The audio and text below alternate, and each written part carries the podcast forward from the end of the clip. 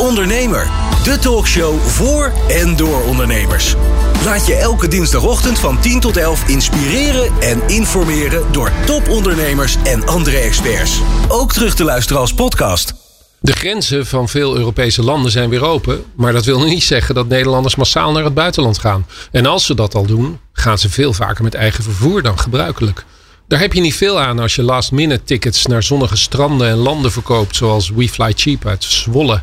Maar daar hebben ze iets op gevonden en dat bespreken we met CEO en medeoprichter Ilko van Drongelen. Dag Ilko. Goedemorgen Thomas. Ilko, we zitten bijna in de zomervakantie. Hè? Hoe druk zou het nou moeten zijn bij jullie? Nou, het zou nu echt eigenlijk volle bak aan uh, boekingen moeten binnenstromen van alle mensen die nog op zoek zijn naar uh, last minutes. Maar uh, ja, dat is helaas niet het geval hmm. momenteel. En waarom is dat? Ja, dat komt natuurlijk door COVID-19 ehm, en ja, de negatieve publiciteit van de reisbranche, ook zeker in maart, toen COVID ook heftig opspeelde en heel veel mensen in hotels vastzaten. Mm het wordt nu in Nederland, Europa iets rustiger natuurlijk qua besmettingen, met een aantal lokale uitbraken daar gelaten. Maar er zit toch nog veel angst bij de mensen om, ja, om het vliegtuig te pakken en een strandvakantie te nemen. Ja. Kun je mij iets vertellen over de economie van last minute tickets? Hoe werkt dat nou? Hoeveel zijn er? als ik in een vliegtuig zit ergens naartoe en naast mij zit iemand, heeft hij dan meer of minder betaald? Dat is toch altijd wel iets wat ik me afvraag, omdat er zoveel verschillende prijzen rondvliegen. Ja. Nou ja, dat klopt. Dat is altijd heel onduidelijk hoor, hoeveel uh, tickets uh, er exact zijn. Het is ook mhm. niet dat wij alleen tickets aanbieden, maar ook gewoon volledige pakketreizen, stedentripjes. Ja. Dus wat dat betreft is Fly Cheap iets breder georiënteerd. Um, maar het is wel zo dat er altijd, uh, dat er altijd last minutes zijn, zeker op pakketreizen. Voor vliegtickets zijn die er ook, maar zijn die over het algemeen iets duurder. Um, dus wordt de pricing die gaat wat omhoog richting uh, de vertrekdatum. Mhm. En bij pakketreizen zie je dat juist andersom. Dan gaat het richting de vertrekdatum, gaat de pricing wat omlaag. Mhm. Dus daar zit, wel een, uh, daar zit wel een verschilletje in. En um, ja, hoeveel last minutes er zijn, dat hangt er echt van af hoeveel er gevlogen wordt en hoeveel capaciteit er is. Mhm. En ja, hoeveel van die capaciteit nog niet is geboekt. He, zoals nu zitten we midden in de zomervakantie. Nou, de verwachting was dat, uh, dat het best wel goed last minute seizoen zou worden. Zeker uh, nog in april, toen we net begonnen natuurlijk met uh, corona. Ja. Um, maar goed, reisorganisaties hebben zoveel moeten cancelen en moeten annuleren. dat ze ook een beetje angstig zijn geweest om die capaciteit in de zomervakantie weer heel hoog op te schroeven. Want ja, het kan maar zo zijn dat er weer een nieuwe uitbraak komt en dat je dan alsnog weer moet downsizen en iedereen weer alternatieve reizen of geld moet teruggeven. Dus die capaciteit is niet op volledig niveau van wat die had moeten zijn. Uh, daardoor had je eigenlijk uh, nou ja, in juni het, de, de, tendens om niet heel veel promotie uit te voeren voor last minutes in juli en augustus. Omdat uh, men had verwacht dat die capaciteit al heel snel vol zou raken. Mm-hmm. Maar goed, je ziet dan nu toch een net wat andere tendens dat die capaciteit nog helemaal niet vol is. En dat de prijzen daardoor nu enorm onder druk staan en toch wel de laatste week zeker hard dalen. Ja, en, en dan worden ze vanzelf eigenlijk al een soort last minute prijzen.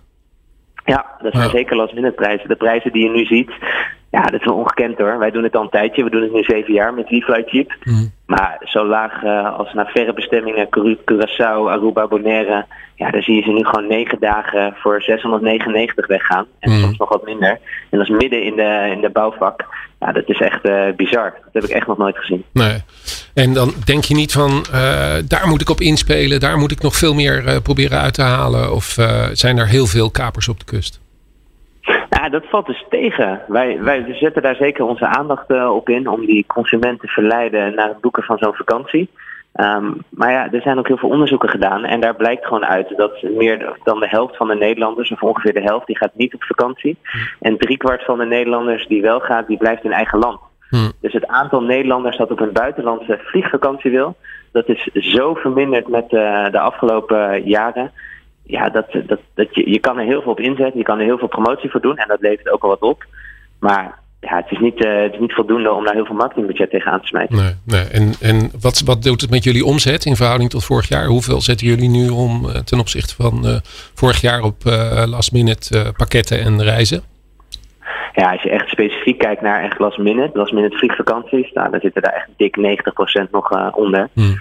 Dus dat is een uh, groot verlies. Nou zijn wij wel een beetje omgeturnd ook naar Nederlands aanbod. Dus we hebben wat meer Nederlands aanbod uh, op onze website opgenomen, wat we voorheen nog niet hadden.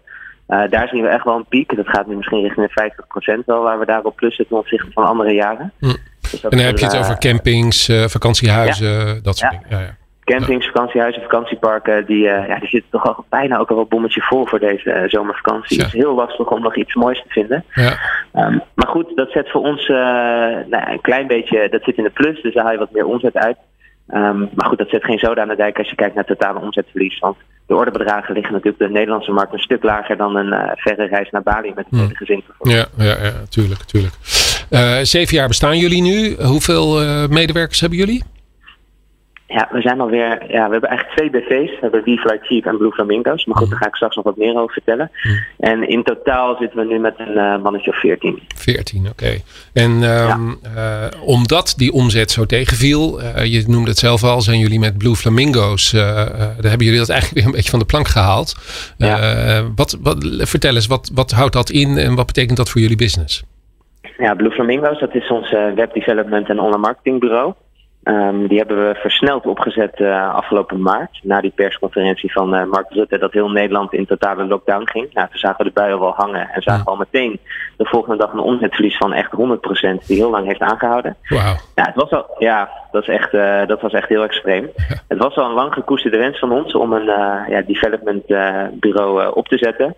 Um, dus we hadden wel een pijplijn. De BV was ook al opgericht en de developers die we al in dienst hadden, die zaten ook al, die werkten al onder die vlag. Hm. Goed, die werkte vooral nog intern aan onze projecten. Uh, en niet extern voor klanten. Nou, dat hebben we eigenlijk uh, omgeturnd uh, halverwege maart. Veel sneller dan we hadden gedacht. Want intern waren we eigenlijk nog niet klaar met onze eigen uitrol van producten. Maar goed, dat hebben we allemaal op een lage pitje gezet. En zijn we als een malle acquisitie gaan bedrijven om meerdere ja, klanten, partners te werven voor Blue Flamingo's en opdrachten voor te kunnen uitvoeren. Ja, die tegelijkertijd ook met die coronacrisis te maken hadden. Dus was het makkelijk om klanten te vinden?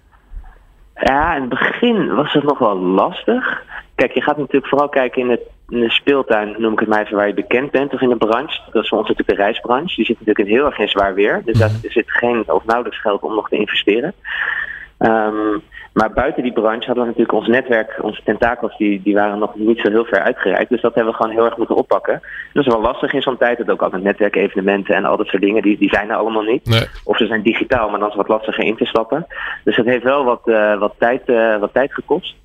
Maar inmiddels, um, ook met behulp van een beetje, beetje media-aandacht, um, ja, inmiddels hebben we toch wel een leuk klantenportfolio al wel opgebouwd. Met dus volgens mij tussen de acht of tien mooie klanten. Um, ja, en dat vind ik toch best wel, uh, best wel heel erg positief. Kijk, want gek is, je start natuurlijk gewoon met een, uh, met een bureau met uh, 10, 12 man op de loonlijst. Um, met een omzet van nul. Um, idealiter laat je dat wat organisch groeien. Zet je een keer met 2, 3, 4 man. En dan laat je het organisch doorgroeien. Maar wij begonnen dus een beetje vanuit een andere uitgangspositie. Ja, en noem eens een voorbeeld van een, uh, van een klant waar jullie nu voor werken die helemaal niets met WeFly Cheap te maken heeft. Nou, een voorbeeld van een klant uh, waar we voor werken, dat is, uh, dat is Marketing Oost. Dat is een regionale marketingorganisatie. en uh, daar voeren wij verschillende online marketingwerkzaamheden voor uit. Um, dus dat is echt regio, regiopromotie. Dat zit mm zelfs nog wel een beetje in de reisbranche. Um, aan de andere kant hebben we ook een aantal klanten aan de bureauzijde. Dat zijn dan meer de development bureaus die tijdelijk ja, ondercapaciteit hebben en te veel opdrachten binnenkrijgen. En we merken dat daar voor ons best wel, nou, best wel iets zit uh, waar we die bureaus op kunnen ondersteunen op tijdelijke basis. Dat kan zijn op detachering of op basis van opdracht dat wij een klus kunnen afmaken of uh, kunnen ondersteunen bij een uh, klus. Um, dus dat zijn eigenlijk de twee speelvelden waar wij ons op een gegeven moment doen. Ja, je, je verkoopt gewoon een bepaalde kennis en expertise die je op verschillende platformen, verschillende branches zelfs kunt toepassen. Even terug nog naar de reisbranche, want we spreken wel vaker Elske Doets, Judith Eijk, mensen uit de reisbranche die allemaal zeggen, ja. dit jaar is eigenlijk bijna voorbij. Laten we vooral ons focussen op volgend jaar. Geldt dat ook voor jullie? Ja, klopt. Dit jaar is gewoon over. Je probeert nog te pakken wat er te pakken is. En uh, waarschijnlijk kom je dan uh, op 80% omzetverlies uit dit jaar. Um, ja, dus dat is heel erg minimaal. Ik verwacht volgend jaar ook nog niet dat het op niveau zit. Of het vaccin moet dit jaar ook breed worden uitgerold. Daar geloof ik niet zo in. Um, dus nee, ja, kijk, ik verwacht dat je misschien in 2022, 2023 pas weer op het niveau van vorig jaar kan zitten. 2019. Mhm. Dus dat is echt nog een hele, hele lange weg die er te gaan is. Ja. En uh, ja, en wat betekent dat voor de branche? Nou ja, dat, dat, dat, is natuurlijk extreem heftig. En ik verwacht dat er nog wel wat klappen gaan komen in het uh, naseizoen. Traditioneel zie je dat dan de reisbedrijven omvallen. Uh, oktober, november, december. De inkomsten die zijn dan al het laagst in het hele jaar. Dus als je cashflow problemen krijgt, dan krijg je die in die periode. Um, ja, dus ik verwacht dat, uh, dat, dat er nog wel een en ander opgeschud gaat worden in negatieve zin. Nou, dan is het maar goed dat jullie hebben gezorgd voor een alternatief. En daar wens ik je heel veel succes mee. Dankjewel, Ilko van Drongelen. En succes ook volgend jaar in de reisbranche. Yes, dankjewel. Graag gedaan. Tot zover deze uitzending van de Ondernemer bij New Business Radio. De gesprekken van vandaag kun je in de loop van de dag terugluisteren als podcast. Wij gaan er nu een paar weken tussenuit en zijn 18 augustus weer terug. Tot die tijd kun je luisteren naar herhalingen op dinsdag tussen 10 en 11 uur bij New Business Radio. En natuurlijk kun je dagelijks terecht op deondernemer.nl. De Ondernemer, de talkshow voor en door ondernemers.